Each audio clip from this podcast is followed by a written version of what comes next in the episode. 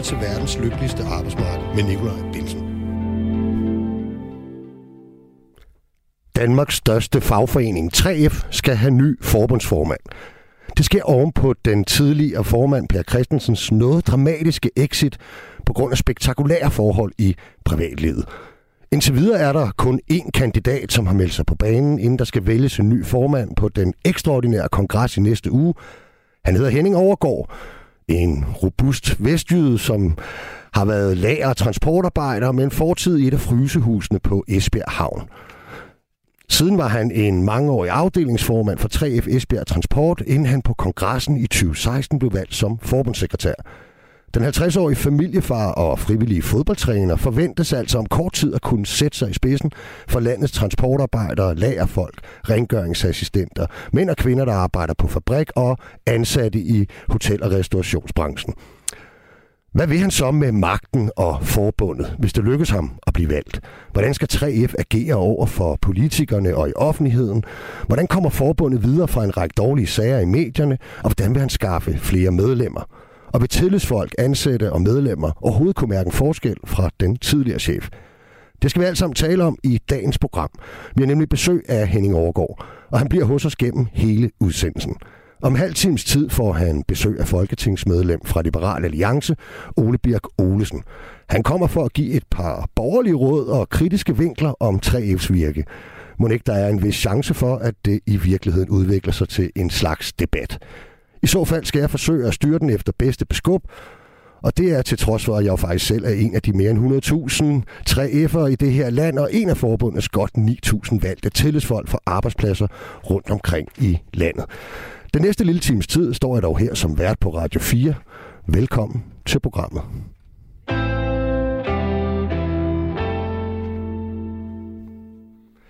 Også velkommen til dagens gæst, Henning Overgaard. Tak for det nuværende forbundssekretær, altså forløbig eneste kandidat til posten som forbundsformand i 3F. Øhm, du bruger jo meget tid i de dage på interviews og møder rundt omkring i landet, tænker jeg. Så du har formentlig helt styr på, på at svare sådan på de samme spørgsmål og levere den samme salgstale.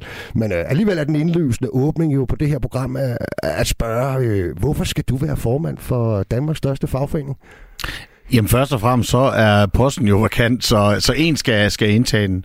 Men øh, jeg, mener, jeg mener, jeg er den rigtige til at stå i spidsen for, øh, for 3F. Øh, jeg har som øh, målsætning at, øh, og, og, og erfaring igennem hele mit liv, øh, det her med, at, øh, at jo mere vi står sammen som arbejder, øh, jo bedre vilkår får vi mulighed for at skabe til os.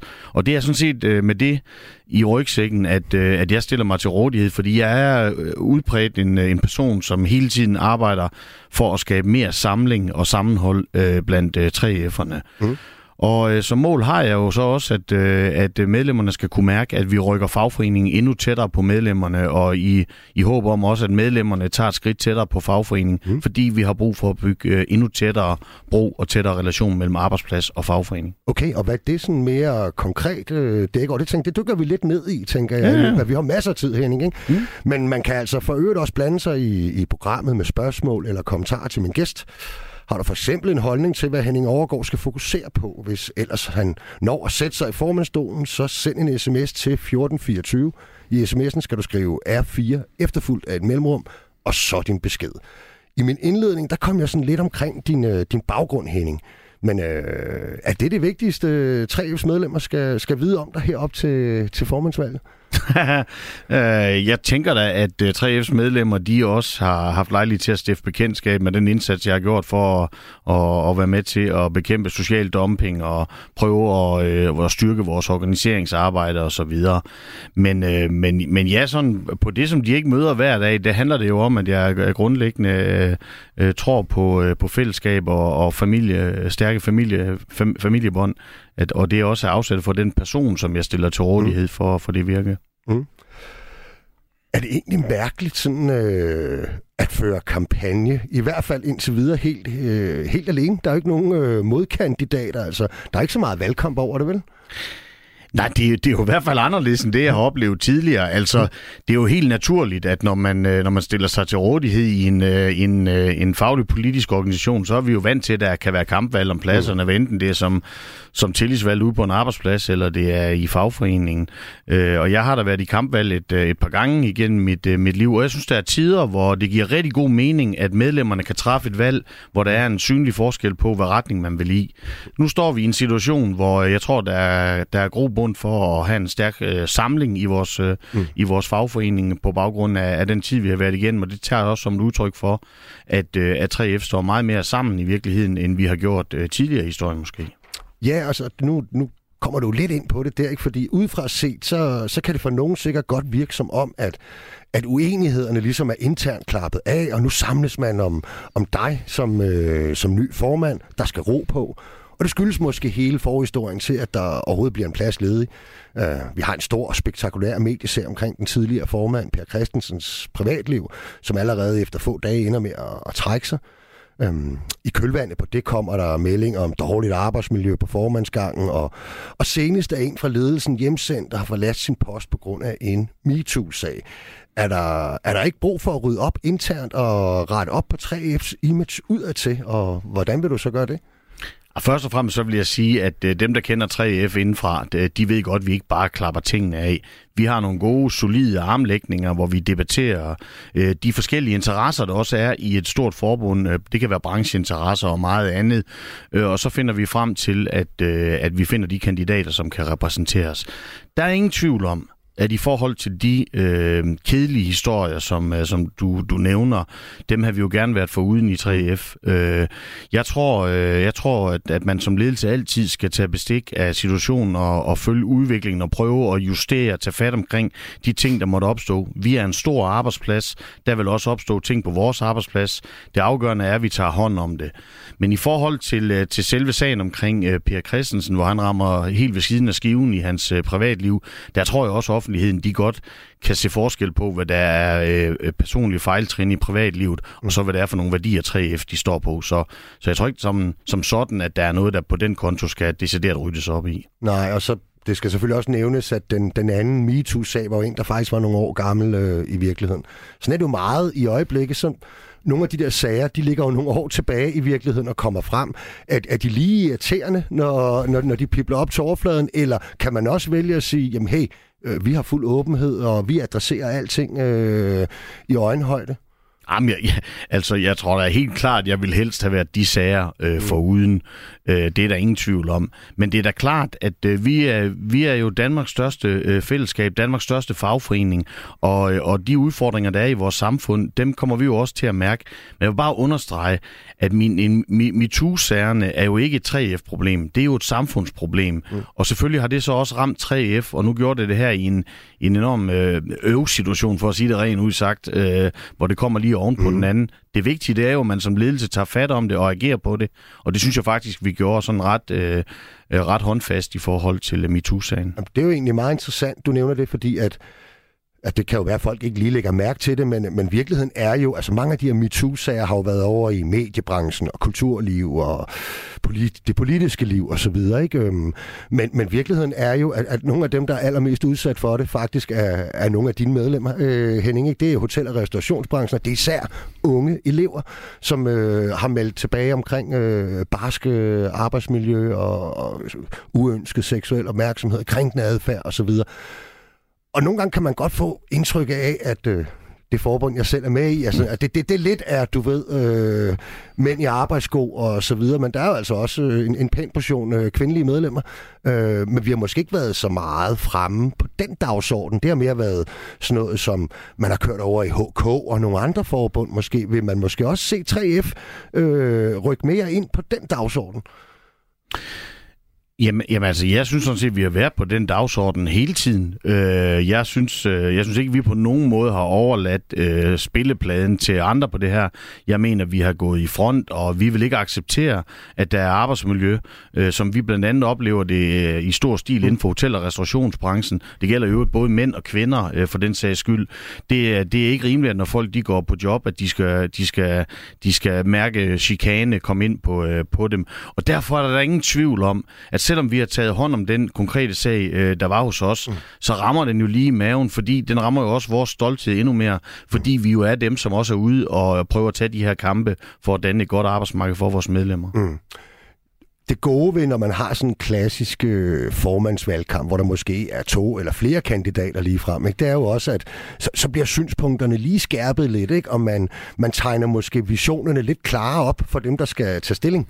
Øhm, og der tænker jeg, at det måske er lidt svært, når du er eneste mand, der farer rundt og, og holder, holder oplæg og foredrag om, øh, hvad du vil. Har du helt styr på visionerne, Henning, og hvad er de? Jamen, jeg synes, at jeg har styr på visionerne, men ja, det er da anderledes, end, øh, det er da anderledes, end når man, øh, når man har en, som man debatterer op imod, eller mm. flere, man debatterer op imod, mm. så man kan synliggøre forskellene. Men jeg synes faktisk også, at, øh, at, øh, at de visioner, som jeg har, øh, de passer rigtig godt ind i den her øh, situation med, at der er brug for samling nu. Fordi jeg er en type, der kan samle, og jeg har visionerne på plads, og de, øh, de drejer sig øh, om mange ting, men allerøverst på min, øh, min prioritering, der handler det om det her med, at vi styrker sammenholdet omkring den danske model, og det vedrører både overenskomstdækning, og det vedrører organisering af medlemmerne. Og der tror jeg simpelthen på, at vi skal starte med også at skabe samling internt hos os selv. Mm. Øh, og når jeg siger det, så er det ikke fordi, der ikke er samling, men der er jo forskel på, om man arbejder på en industriarbejdsplads, eller man arbejder i byggeriet, eller hotel og restauration, mm. i forhold til, hvilke, hvilke udfordringer der er. Det er der, man skal prøve hele tiden at kan bygge bro, så medlemmerne på tværs af de forskellige fag, de kan se hinandens udfordringer og hinandens interesser. Og det, det er noget, der står rigtig meget øh, øh, højt på min liste i hvert fald. Ja, fordi det er jo, det er jo egentlig meget, meget sjovt, du nævner. Nu riser du selv lige nogle meget forskellige brancher op, ikke? og det er jo det, som folk måske glemmer lidt nogle gange, at vi kan jo godt kalde 3F for lidt sådan en blandet landhandel af, af folk, der er organiseret, forstået på den måde, at det er ikke som over hos pædagogerne i BUPL, eller det er heller ikke sådan, at vi har et lidt klare billede af, hvem øh, Metal for eksempel organiseres. Der er vi jo nemlig både, det er byggeriet, det er øh, transportbranchen, øh, og, og, og det er jo også, som du selv nævner, det er måske gamle øh, produktionsvirksomheder, hvor der er et fremragende samarbejde med ledelsen og gode, stærke, faglige klubber, og her går alt godt. Men så er det jo også nogle af de brancher, som, hvor man kan sige, i de senere år har vi set nogle brydninger, øh, som også udfordrer, tænker jeg, den danske model. Ikke? Det er alle de her nye øh, virksomhedskoncepter, der bryder frem i form af platformsøkonomi og udbringningstjenester, og, altså, som, som vi jo har. Ikke? Og det er den sociale dumping, og det er de brancher, hvor der er en, en hvad kan man sige, en meget voldsom brug af, af udenlandsk arbejdskraft, for nu at sige det lige ud. Ikke? Og er der ikke, kan der nogle gange blive for stor spændevidde internt, Henning, tænker jeg, i, i 3F på dem, som har Øh, det kunne være mig selv, en offentlig ansat, øh, stor faglig klub osv., der har kørt i over 100 år. Og så hvordan virkeligheden faktisk ser ud øh, på nogle af de her områder, vi skal forsøge at både overenskomstdække og få, få, få skabt aktivitet blandt medlemmer osv. Hvordan griber man det an? Jamen, jeg mener faktisk ikke, der er for stort spænd, fordi øh, 3F er jo i den grad øh, ufag, de ufaglærte og de faglærtes øh, forbund. Men vi er selvfølgelig ikke et fag, som andre forbund de er, fordi vi er udsprunget historisk af arbejdsmændene og arbejdskvindernes øh, forbund og, og, og samlet i dag. Og derfor er det, er det sådan, det, er meget øh, arbejdende folk, øh, vi repræsenterer. Det er dem, øh, der går i bad, øh, når arbejdsdagen er om. Ja, og det ikke kan man, ikke? jo, det kan man godt sige. Men altså, vi har jo enormt stærk øh, branchearbejde på hver eneste område øh, af det, vi, vi repræsenterer. Og det, øh, det mener jeg sagtens, man, øh, man, kan, man kan varetage, øh, og det viser vi også, at vi gør hver eneste dag. Men ja, der er der nogle, nogle interesseforskelle, og når vi nu engang når frem til, til det bord, hvor, hvor, hvor tingene skal klappes af, så er det jo vigtigt, at vi også formår at gøre os nogle prioriteringer om, hvad er vigtigst øh, mm. i den konkrete situation.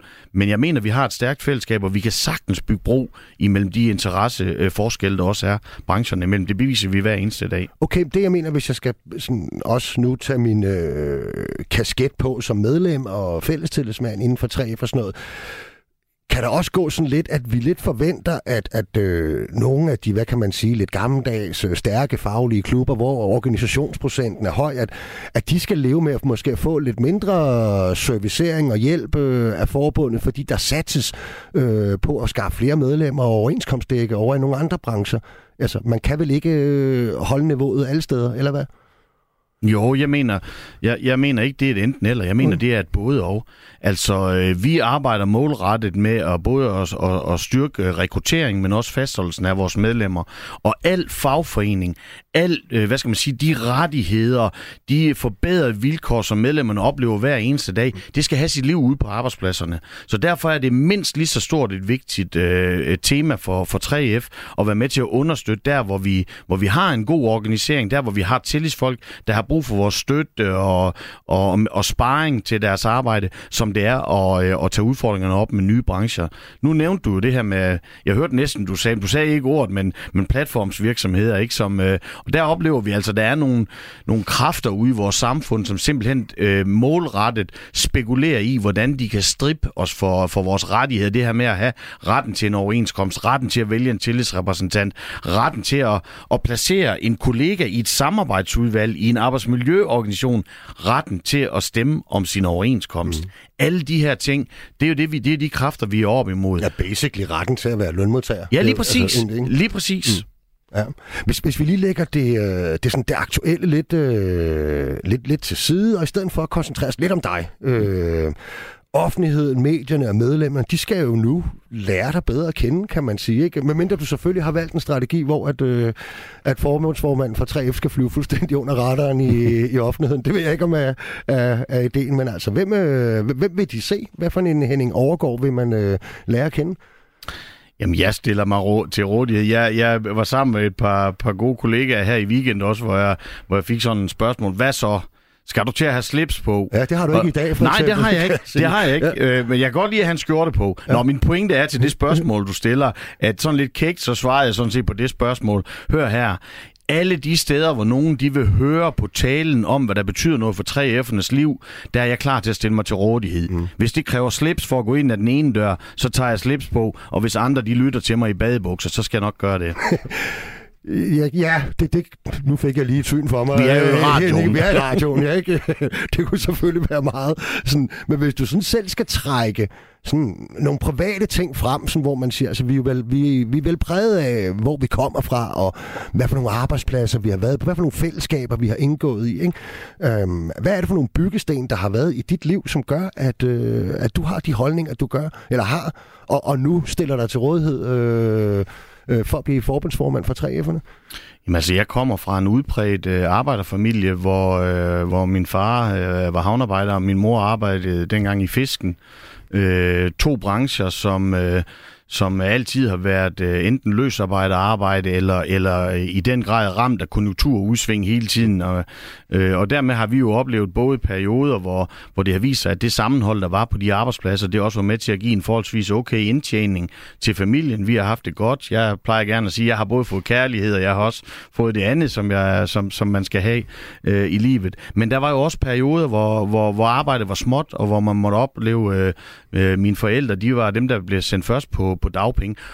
Øh, og, og det er noget, der præger mig i, øh, i den person, jeg er, fordi jeg har oplevet det der med, hvordan arbejderne, de altid er dem, der står sidst i køen, når der skal deles rettigheder ud.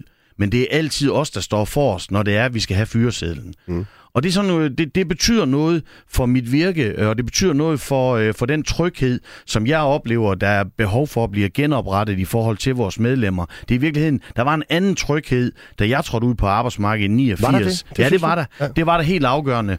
Øh, det der med at komme ind på en arbejdsplads, hvor der var en tillidsrepræsentant, der bød en velkommen. Du fik at vide, hvordan det var kulturelt at være på den arbejdsplads. Det her med, at du vidste, at nu har jeg meldt mig ind i en A-kasse også. Der var et dagpengesystem, der kunne samle op på dig. Jeg betalte selv til en efterlønsordning, og når jeg kigger tilbage på mit arbejdsliv, så har jeg stort set kun oplevet, at det sikkerhedsnet, som har været med til at give mig en tryg indgang på arbejdsmarkedet, det er blevet udhult, udhult og udhult i alle de år, jeg har været en del af det. Og derfor så er der behov for, at vi sætter alt ind, særligt 3F, på at genskabe noget af den tryghed for vores medlemmer. Så din, din baggrund giver dig i virkeligheden en, altså sådan lyder det jo, en, en, øh, en ret stærk sådan social indignation også, og og hvad kan man sige, meget stor forståelse for, ja vel hele vores velfærdskonstruktion og den danske øh, arbejdsmarkedsmodel. Ja, det gør det. Altså to ting, jeg bare tager med fra mit eget øh, øh arbejde på Frysehuset, ikke? Og, og tænker tilbage. Jeg kan stort set ikke huske kollegaer, der kunne holde helt frem til deres pensionsalder. Mm. de greb jo som nød efterlønsordningen, fordi det var deres ret det var der, de kunne holde til. Så når jeg ser på, hvor vi står hen i dag med en stigende pensionsalder, politikere, der har ødelagt den øh, efterlønsordning, som, øh, som er der stort set har ødelagt den. Øh, heldigvis har vi fået Arne-pensionen, den er jeg villig til at kæmpe mm. med næb og klør for, og det betyder utrolig meget. Og den anden del, der, der, der fylder ret meget, det er simpelthen det her, jeg vil simpelthen ikke acceptere et arbejdsmarked, hvor vi ikke skal have retten til at stemme om vores eget, egne løn og arbejdsforhold. Det er simpelthen så dansk som noget overhovedet, at man har en stemmeret. Og der er jeg frustreret over, at vi ser nogle, nogle, nogle forretninger, der bilder vores øh, ungdom ind, at, øh, at de, er, de er fagforeninger, og i virkeligheden tager stemmeretten ud af hænderne på dem. Det er simpelthen ikke i orden. Mm. Altså ja, og det du taler om her, Henning, er jo selvfølgelig, ja faktisk hele vores overenskomstsystem, at man stemmer ja eller nej til de resultater, som vores forhandlere øh, har, har forhandlet. Men, men når man kigger på sådan udviklingen øh, generelt, hvis vi også går langt ud over 3F's øh, dækningsområde, kan man sige, ikke? hvis vi kigger på, på udviklingen øh, af arbejdsmarkedet her, så så kan jeg jo nogle gange godt lidt sådan tænke, at jamen, der findes jo nye former for spændende, kreative arbejdspladser og øh, nye virksomheder, hvor at, at de vil jo sige, jamen, hey, altså virkeligheden i dag her, forholdene, altså der er frugtordninger i kantinen, der er gratis, og der er øh, gratis medlemskab af et fitness øh, world, og bla bla bla. Her går det godt, man har bedre arbejdsvilkår øh, og bedre løn, end man nogensinde har før. Og så er der sådan nogle andre hjørner, af vores arbejdsmarked, hvor man måske kan sige, at okay, før kunne man altså godt få en god tilværelse til at køre ved at være postbud, for eksempel. Den form for udbringning og det, der sker i dag, det er på noget anderledes betingelser. Er der nogle øh, ting, der er ved at sejle i hver sin retning? Øh jo, jo, altså vi er der, vi er der udfordret på nogle ting. Det er der, det er der en erkendelse, jeg, jeg, jeg godt tør at give. Men, men altså, jeg, jeg må bare minde om, at vi har i historien, hele fagbevægelsens historie, har vi altså formået at lave overenskomster, der er tilpasset både de brancher og de forhold, der gør, at arbejdsgiverne de kunne få den øh, fleksibilitet, øh, som de skal have. Jeg vil simpelthen ikke acceptere, at min stemmeret, den bliver byttet ud med to bananer og en pære. Mm. Det er altså ikke i orden. Fordi den grundlæggende forskel, det er jo, at hvis det er sådan, du har frataget din stemmeret, og du får gode frugtordninger i stedet for, og det som du nævner, jamen prøv at høre her, så ligger det jo ene og alene inde på direktionens bord og beslutte sig for, hvor længe du har den frugtordning, hvor længe du har de goder. Den dag, det går ned ad bakke for virksomheden, så, bliver, så er det det, der ryger som det første. Mm. Der vil jeg meget hellere have min stemmeret, for den kan jeg bruge i enhver situation. Ja, det er der, hvor man siger, twistløsningen på et problem, man har, det der, der, der får man en besked om, at det, det er, det, jeg, kan, jeg hører, hvad du siger, men øh, jeg synes, du skal tage det op med din arbejdsgiver.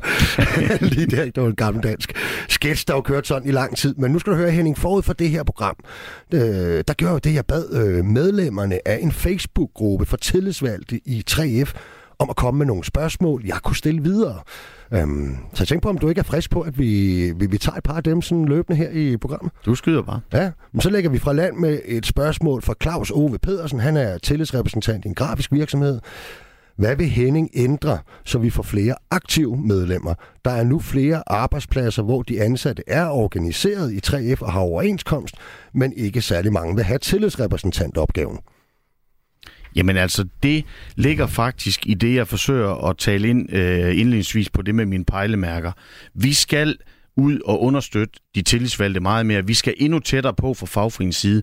Og det kan godt være, at det lyder som en floskel, men det er det ikke. Fordi det har noget at gøre med, hvordan vi prioriterer vores tid i, øh, i fagforeningen, og hvad det er, vi sætter fuld fokus på. Og her står de tillidsvalgte simpelthen aller, aller øverst i den prioritering. Så vi øh, ved at rykke fagforeningen endnu tættere i relationsarbejdet med vores tillidsvalgte, så vil vi også komme til at styrke mm. kontakten endnu mere til, øh, til, øh, til, til arbejdspladserne. Kun, kunne sådan noget altså blive så konkret, at det er noget, man vil se afspejlet i, i de krav, som 3F rejser til både de private og offentlige overenskomstforhandlinger, øh, altså gående på bedre betingelser for, for de tillidsvalgte simpelthen? Det kan man ikke afvise. Nu, nu kommer jeg ikke til at stå her i uh, direkte i æderen og, og søsætte nogle overenskomstkrav, fordi vi arbejder jo målrettet med de overenskomstkrav, som medlemmerne de sender ind til os. Men hvis det er de krav, de rejser, så tager vi jo bestik af dem. Mm. Men der er faktisk et sådan lidt i forlængelse øh, af det her spørgsmål. Hvad vil Henning gøre for at forbedre tillidsrepræsentanternes arbejde helt konkret i det daglige, spørger Jakob Hamann Håmann Carlsen, som er TR og arbejder i en industrivirksomhed i, i Aarhus. Øhm. Jamen, jeg synes, der er to ting, der ligger lige for. Øh, det ene handler jo om, at vi, øh, vi, vi må erkende, at øh, i takt med, at organiseringen er gået den gale vej i for mange år, så er der behov, behov for, at vi kommer endnu tættere på vores tillidsvalgte og understøtter dem i det organiserende arbejde øh, til hverdag.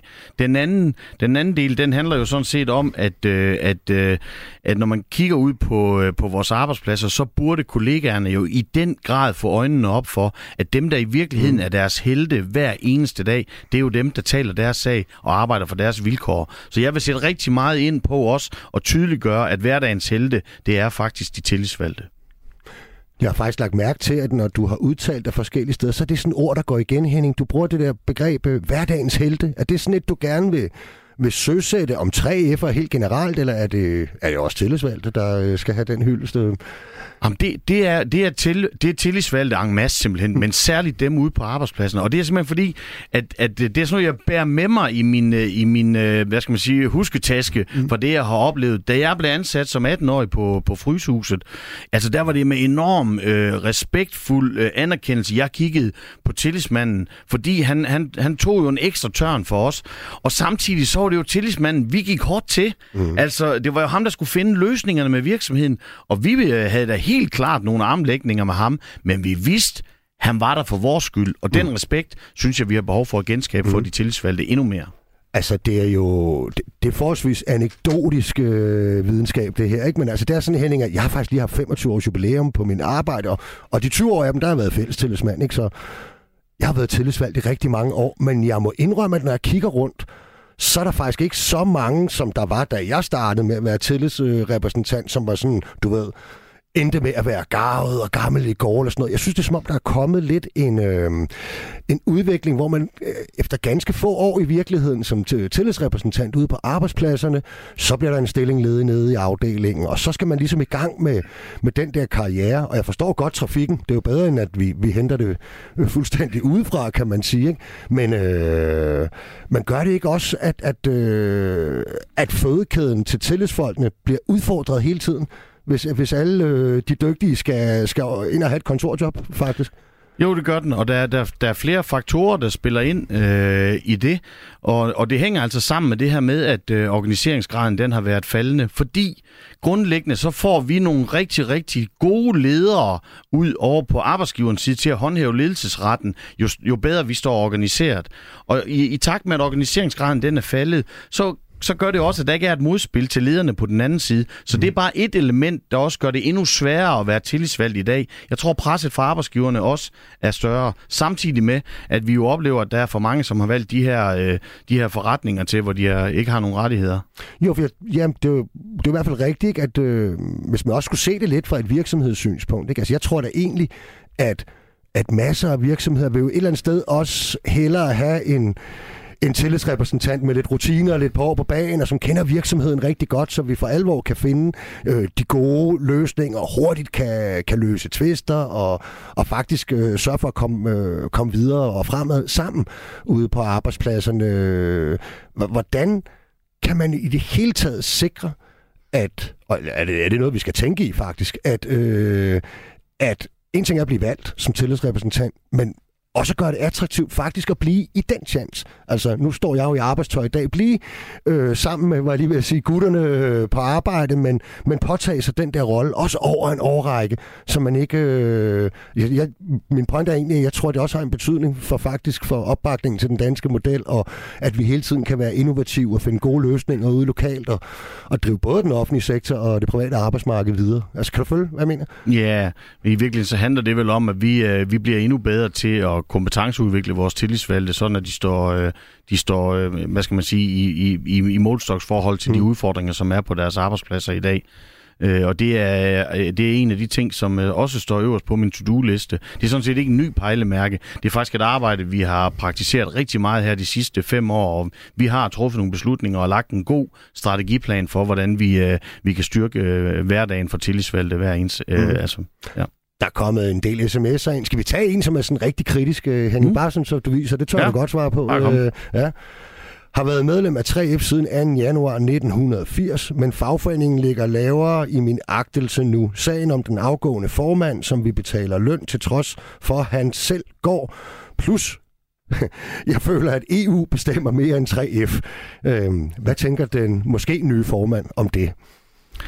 Jamen altså, jeg er enormt ked af den øh, situation, som, øh, som, som Pers fejltrin det har, det har påført, påført vores fagforening. Og jeg forstår godt kollegaens øh, skuffelse, som han udtrykker der. Det, øh, jeg vil bare sige, at de værdier, som han øh, siden 1980, øh, hvis jeg hørte rigtigt, han har følt, at hans fagforening har stået for, så står de der også i morgen. Og det skal jeg nok øh, bevise, at, øh, at vi, øh, vi kan gøre hele tiden. Til verdens lykkeligste arbejdsmarked med Nikolaj Bensen.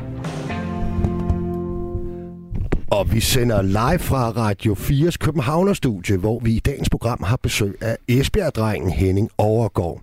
Han er forløbigt eneste kandidat til at overtage posten som formand for Danmarks største fagforening, 3F.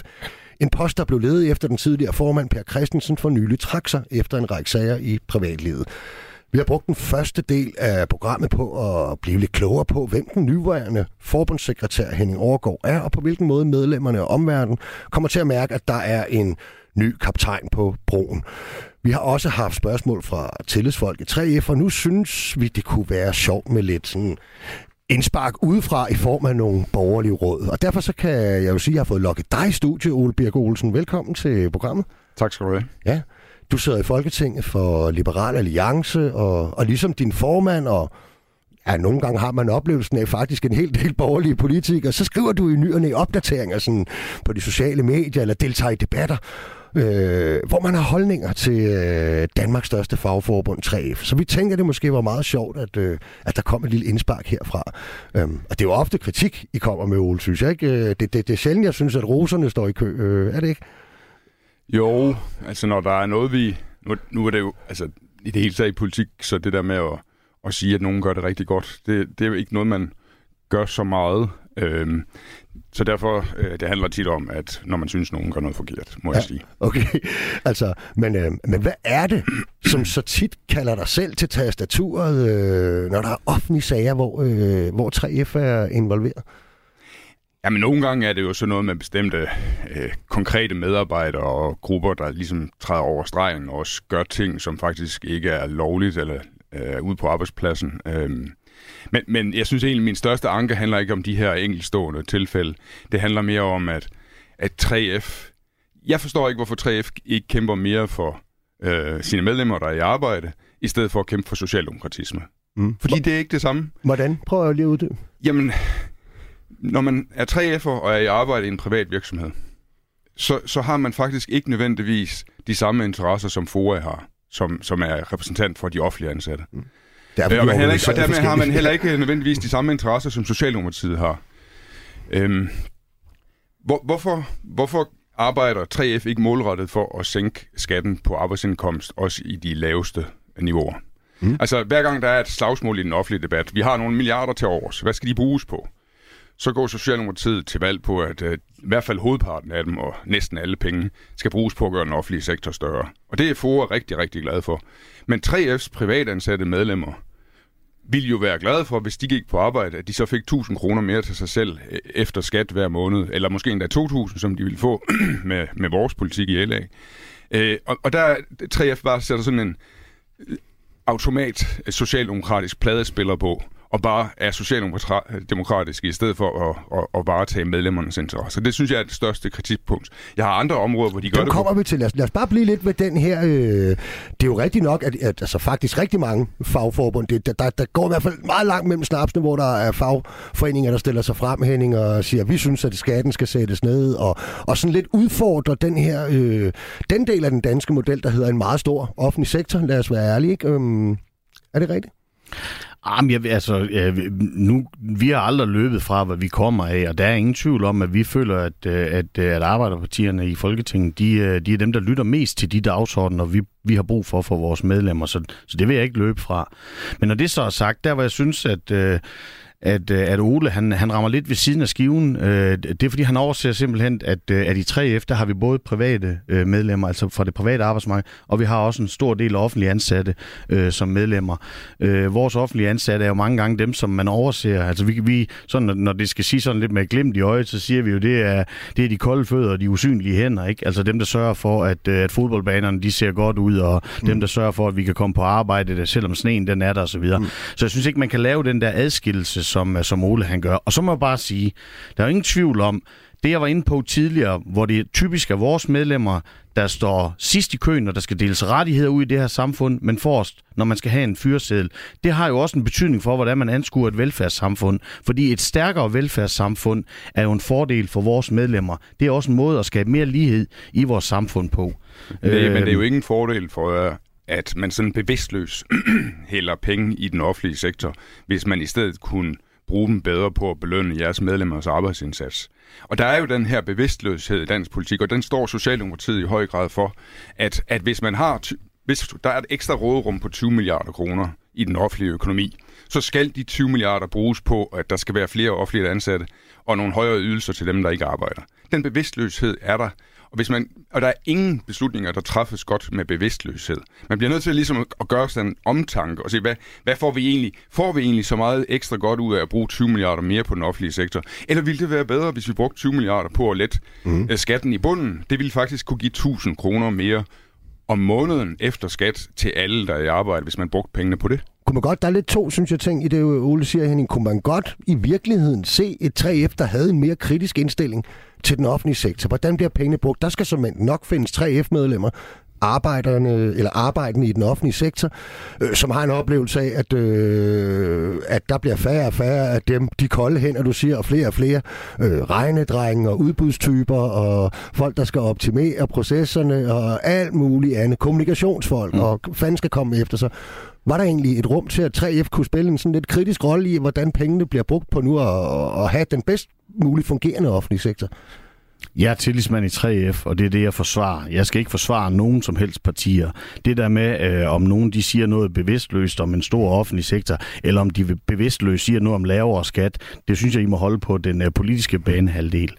Øh, jeg, vil, jeg synes ikke, man skal opkræve mere i skat, end, end der er behov for, for at kan have en, øh, en god, et godt velfærdssamfund. Øh, men jeg oplever nu, at, øh, at øh, det kommer af, at man også betaler sin skat. Vi har en lang tradition i Danmark for at have et forholdsvis godt øh, lønniveau, øh, og dermed så betaler vi også et, øh, et, øh, et anstændigt bidrag til vores fagforening, og vi betaler et, øh, en skat, der kan vedligeholde et velfærdssamfund. Men det er jo det, der sådan er også det bevidstløse modsvar, hver gang man siger, jamen kan vi ikke gøre tingene lidt bedre i den offentlige sektor, og så kan folk, der går på arbejde, beholde lidt mere selv. Det er at ligesom sige, at så handler det om, at man slet ikke vil have et velfærdssamfund. Det gør det jo ikke. Hvis nu for eksempel man gennemførte hele Liberale Alliances program, så vil vi have et øh, samfund med et skattetryk som det svenske. Og det vil sige, at det er et meget højt skattetryk på verdensplan, og der er rigtig meget velfærdssamfund i Sverige også. Et andet eksempel, det er, øh, man kan have nogle idéer om, at hvis øh, virksomhederne betaler mindre selskabsskat, så kunne det være til gavn for Danmark. Der siger alle førende økonomer, alle professorer, økonomiske vismænd, regnedrengene i Finansministeriet, alle sammen siger, hvis vi sænker selskabsskatten, så vil, vil der blive investeret mere i produktionsapparatet i Danmark. Hvis der bliver investeret mere i produktionsapparatet i Danmark, så bliver der både flere arbejdspladser, og per time, man går på arbejde, producerer man mere, fordi man gør det med et bedre produktionsapparat. Det betyder, at lønningerne stiger.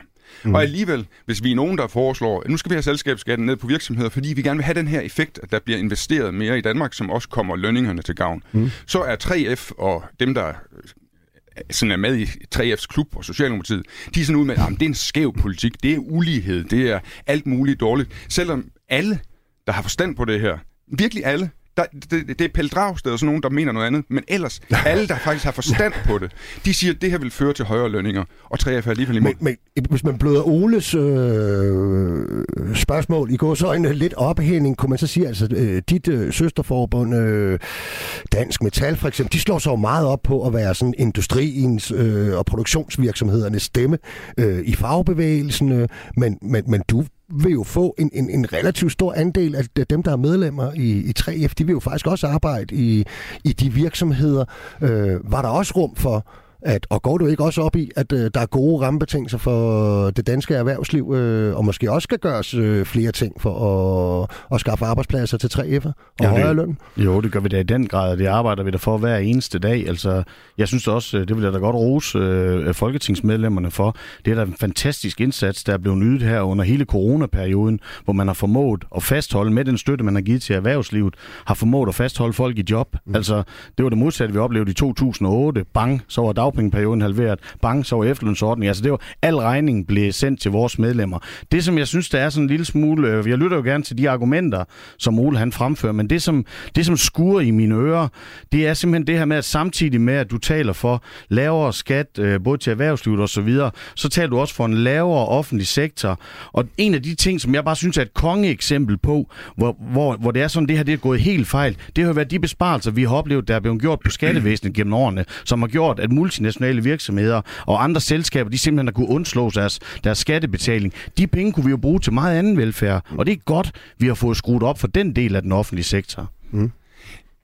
Ja, du, du kan mene, at modsat de virksomheder, som de private ansatte i din fagbevægelse, altså dem, der er medlem af din fagbevægelse, som er privat ansatte, de har oplevet alle steder, at deres virksomhed godt kan gøre tingene mere effektivt og stadigvæk få det samme produktion.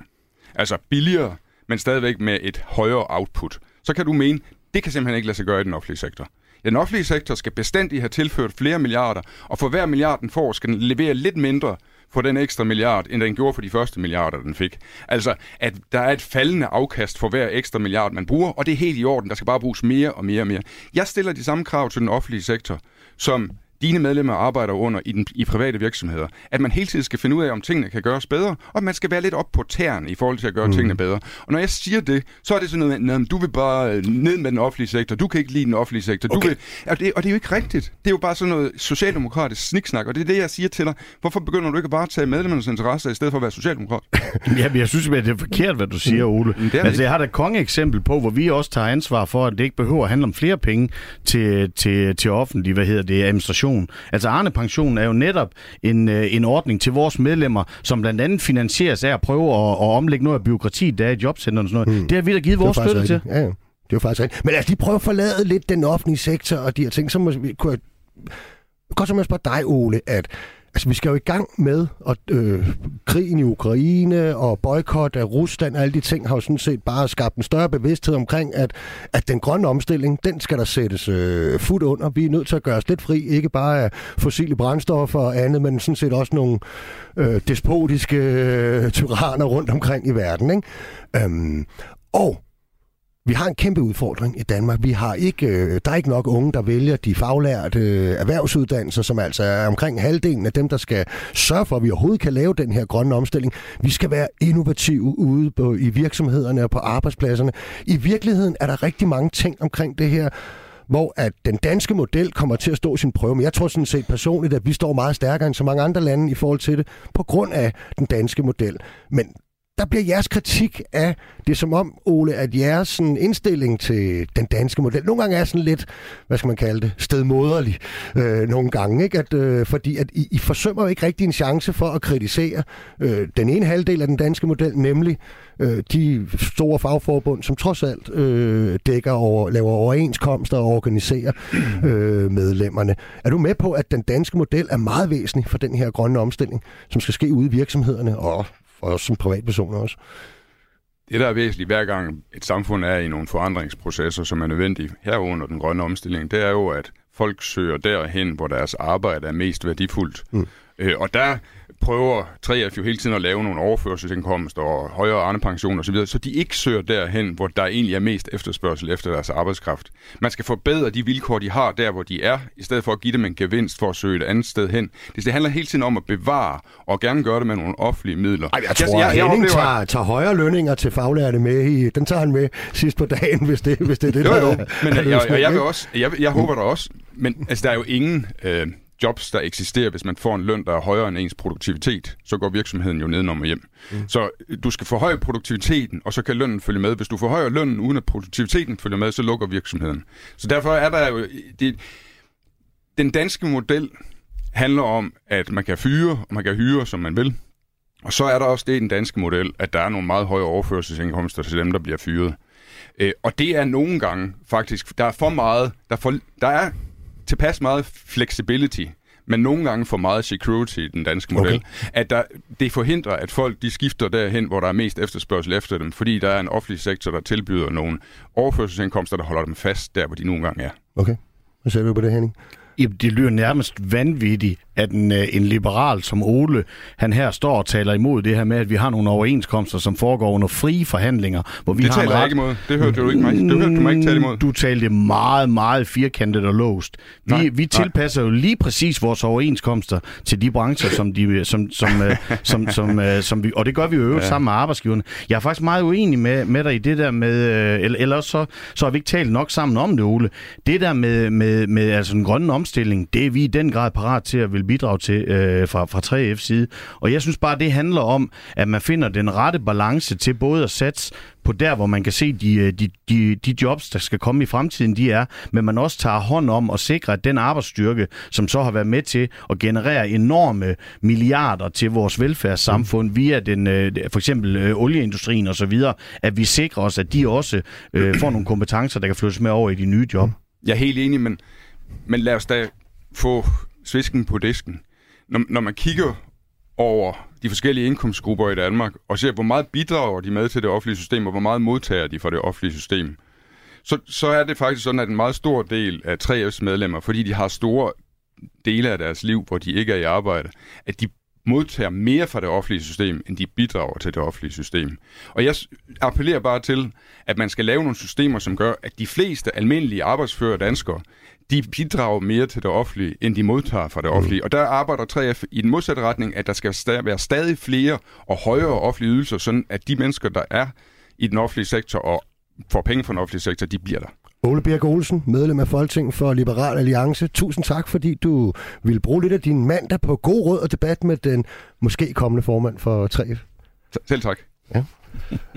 og Henning, lidt sådan i, i, i forlængelse af, af, af den her debat med Ole Birk Olsen, så kunne det være interessant at høre om... Øh, altså, hvor vil du, det skal et moderne fagforbund, hvor vil du placere 3F hen øh, sådan politisk? Mm. Og, og vil der være en, en forandring og spore i forhold til, hvor Per Christensen lå? Nej, jeg mener sådan set, at vi, øh, vi, vi skal fastholde den øh, resultatsøgende øh, linje, som vi har i, øh, i 3F, men også gerne række ud til, til alle folketingspartier. Jeg lytter også gerne til, hvad, hvad Ole Birk han giver udtryk for her. Nu, nu var det ikke sådan, at han kom ret meget konstruktivt. Det handler meget om at, at tale vores virke ned, eller være imod det, vi sagde. Men fair nok, sådan skal der også være noget til, til radiolytterne. Jeg mener virkelig, vi har, vi har leveret nogle sindssygt gode resultater uh, af, af det påvirkningsarbejde, som, som vi bidrager med for 3F over for, for Folketinget, mm. og det betyder noget for vores medlemmer. Vores medlemmer, de kan godt se, at det har en betydning, at der er en Arne-pension. De kan godt se, at det har en betydning, at vi får et godt sikkerhedsnet genskabt med, med, med en dagpengeordning, som er blevet udhulet i hele mit arbejdsliv, mm. og så videre. Vores medlemmer kan også godt se forskel på, at i 2008 under finanskrisen, der var det Ole Birk og hans ligesinde, der sørger for, at vores medlemmer de blev fyret, mens milliarderne blev sendt ud til erhvervslivet, mens vi her under en coronakrise har måttet se, at virksomheden de godt kunne få støtte, men det var betinget af, at vores medlemmer de beholdt deres job. Mm. Alt det her er jo ikke noget, der kommer af sig selv. Det kommer af, at 3F hver eneste gang, det også er svært, bider sig fast i bordkanten og er klar til at tage ansvar. Den linje, mm. den vil jeg gerne fastholde.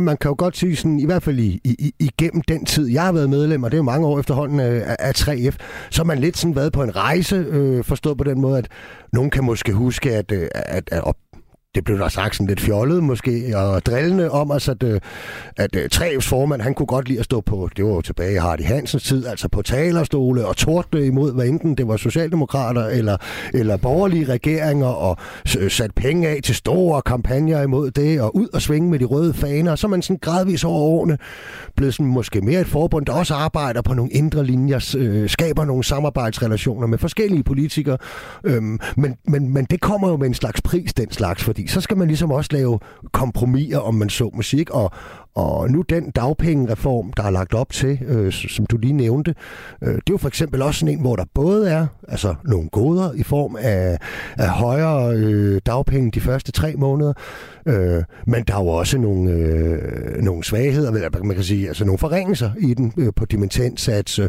som hvor der altså også er tre F-medlemmer, der er på dimensionssats og så videre efter en uddannelse. Ikke? Er det sådan den type kompromiser, man øh, du vil fortsætte nedad øh, som linje? Ja, det, det, det, det er helt klart. Det er, det er nogle kompromiser, som jeg også er klar til at indgå. Og i virkeligheden, så synes jeg, det er et eksempel, der, der i den grad modsiger det, som, øh, som, øh, som Liberal Alliance man stod her og, og gav udtryk for før, at vi kun går efter, at det skal koste mere i den offentlige sektor. Nej, det her er jo præcis en aftale, vi har støttet op om, hvor man flytter, hvad skal man sige, nogle af pengene rundt i systemet, for der bliver ikke tilført øh, penge til dagpengeordningen, på trods af, at den er blevet beskåret i hele mit arbejdsliv. Så sådan mm. nogle ting er jeg også klar til at tage, tage ansvar for. De økonomiske vismænd, hvis vi nu skal blive i de mulige kompromiser, øh, og overvismand især så jeg lige, at den øh, sænkelse af beløbsgrænsen, der lægges op til på udlandsk arbejdskraft, at den bør man simpelthen gøre permanent med det samme og, og indføre. Det er jo sådan et synspunkt, du har selv arbejdet med social dumping, og, og vi har været lidt nervøse for det der, og egentlig vel er modstander af, af, altså helt principielt, at man sænker beløbsgrænsen. Øh, kunne man også forestille sig, at man rykker sig lidt øh, på det spørgsmål? Det kommer den dunder mig an på, hvad det er, øh, hvad, det, hvad det er man, skal, man skal forhandle om. Der er jo simpelthen noget helt øh, forkert i, øh, Øh, i min optik, at vi har med en stor del af virksomheder at gøre, som ikke er en del af den danske model, som har valgt øh, overenskomst fra, som har valgt tillidsrepræsentanter fra, som ikke giver en stemmeret til deres, øh, til deres ansatte. Og så har vi på den anden side virksomhederne under Dansk Arbejdsgiverforening, som er overenskomstdækker, hvor vi har de her rettigheder. Og derfor har det jo en betydning, hvor det er, hvilke brancher det er, man skal rekruttere udenlandsk arbejdskraft. Det For man skal bare huske, at når der kommer en god kollega fra Himalaya hertil, så er man ikke i et ligeværdigt forhold over for en arbejdsgiver. Man er ikke født med at vide, når jamen, den danske model, den udstyrer mig med nogle rettigheder. Og når ikke der er et ligeværdigt forhold, så har arbejdsgiveren en ekstrem overhånd med sin ledelsesret, og det er faktisk derfor, vi oplever nogle af de aller, aller grimmeste ting, der sker på vores arbejdsmarked, som både er med til at give unfair konkurrence til virksomhederne, og samtidig underminere vores medlemmers løn og arbejdsforhold. Og der må arbejdsgiverne delen under med til at komme ind i kampen og sørge for, at der bliver mere fair konkurrence for de virksomheder, som vil den danske model. Mm. Okay. Jeg synes godt, vi kan nå et øh, her på falderæbet et spørgsmål til ikke, øh, fra, fra den Facebook-gruppe for tillidsvalgte i, i 3F. Erik Bindesbøl Jensen, som er legepladsinspektør og tillidsrepræsentant, skriver, med den inflation, som haver, er treårige overenskomster på det offentlige område med en ramme på i alt 5,2 procent dømt til at give reallønsnedgang. Reguleringsordningen, som skal afbøde dette, slæber allerede langt efter. Kan der gøres noget? Og måske er spørgsmålet faktisk lidt bredere, Henning, end, end, end offentlig ansatte, 3F og offentlig ansatte i almindelighed, for han har jo en rigtig pointe der. Altså, der er jo også masser af helt almindelige lønmodtagere i Danmark, der i øjeblikket oplever kolossal stigninger på varmeregningerne, og når de går ned i supermarkedet øh, og stadig har den løn, der blev aftalt for et par år siden, øh, så er mælken og kødet og sågar også grøntsagerne jo altså stedet. Jamen altså, jeg tror godt, Erik han, øh, han ved, at det øh, hverken er en formand for 3F eller en forbundssekretær, der forhandler overenskomsterne i, øh, i 3F. Jeg tror, han også tænker på, om om man skal præge noget politisk her i virkeligheden. Ja, men altså den reguleringsordning, som, som Erik han spørger til, den sikrer jo i virkeligheden, at, øh, at det offentlige og det private, det ikke udvikler sig forskelligt, men der er en vis øh, takt i forhold til det. Øh, jeg, vil bare lige, jeg vil bare minde om, at når vi kigger en lang årrække tilbage, så har vi faktisk formået overenskomstforhandling efter overenskomstforhandling og sikre en reallønsfremgang til vores medlemmer, både på det private og på det offentlige område. Der hvor Erik han har en pointe, det er jo, at vi står i en helt aktuel situation, hvor vi kan se, at inflationen den gør, at, øh, at der er stigende udgifter til vores medlemmer. Mm. Og det er da klart, at der er vi da klar til at banke på hos arbejdsgiverne og sige, hallo, hvis I bare bliver ved med at have priserne i vores samfund, så vores medlemmer de bliver for dyrt i deres, i deres levevis, jamen så må vi jo bære det krav frem til øh, overenskomstbordet. Ja, og der er vel en mulighed allerede nu i den del af industrien i hvert fald, ikke? Og, altså, hvor der er lokale lønforhandlinger. Øh, det er klart, men reguleringsordningen den betyder jo også, at jo mere vi formår at få skabt i overenskomststigning på det private område, så følger det offentlige med. Ja tak, og der kunne vi godt tænke os, der kom lidt mere for den kant, for det har, det har, det har ligget lidt, uh, lidt tørt med det, synes jeg. Ja, vi, vi, har, vi, har altså, øh, vi har altså realløns fremgang i en lang ja. årrække, der ligger bag os. Det vil jeg bare fastholde. Ja. Henning Jensen, det er Lars Henning Jensen, det er en skuespiller. Det er fordi, jeg arbejder på Kongens Teater, så bliver jeg så præget det, så Henning han var, han var altså også en dygtig fodboldspiller. Var han det? Ja, Nå, jamen, det, han var fra AB eller sådan noget. Der er vi i Det. Nordjylland, er vi ikke? Øh, Jo. og du holder jo altså med Esbjerg i, i fodbold selvfølgelig, når du er derovre fra, ikke? Og lige i øjeblikket ser jeg mere håndbold end fodbold. Det kan jeg godt forstå. Jeg har det på samme måde. Jeg holder med Røde og Ishockey. Det er heller ikke så sjovt. Der er det sjovere at holde med Esbjerg. De er, de er godt med i slutspillet Ja. øh, her, ikke? er der en, øh, en, en sidste point øh, her? Øh, vi har et, et, et lille minuts øh, tid tilbage, øh, hen. Jamen altså, øh, pointen den skal jo være så, at, øh, at øh, jeg håber, at, øh, at øh, de medlemmer og de kollegaer, jeg har mødt i mine år, øh, både før, men også under mit virke som øh, forbundssekretær, de har fået et godt billede af, at øh, jeg er en type, der bider mig fast i bordkanten, men jeg også er en øh, type, der kan være bramfri. Så, øh, så øh, ja, jeg, kommer, jeg har lært der, hvor jeg kommer fra, at hvis ikke man råber højt nok, så bliver arbejderens stemme aldrig hørt. Så det vil jeg også praktisere i mit virke, men jeg vil gøre det med respekt og ordentlighed. Okay, og hvis man vil se eller høre lidt mere af den slags, så faktisk er der et arrangement på øh, Fagbladets Facebook-side i dag kl. 17, så kan man også se, hvordan du, hvordan du ser ud. Øh, vi går kun live ud i æderen her. Du skal i hvert fald have en kæmpe tak, fordi du valgte at gøre os lidt klogere på, hvem du er, og hvordan 3F vil se ud, hvis du rent faktisk bliver ny formand. Også tak til jer, der lyttede med derude. Vi er som altid tilbage igen i næste uge, samme tid og sted. Husk, at du efterfølgende kan downloade både denne udsendelse og alle vores tidligere programmer, for eksempel i Radio 4's egen app. Verdens lykkeligste arbejdsmarked er produceret af Rakkerpark Productions for Radio 4, og det er tilrettelagt af Julie Lindhardt Højmark. Vi høres ved.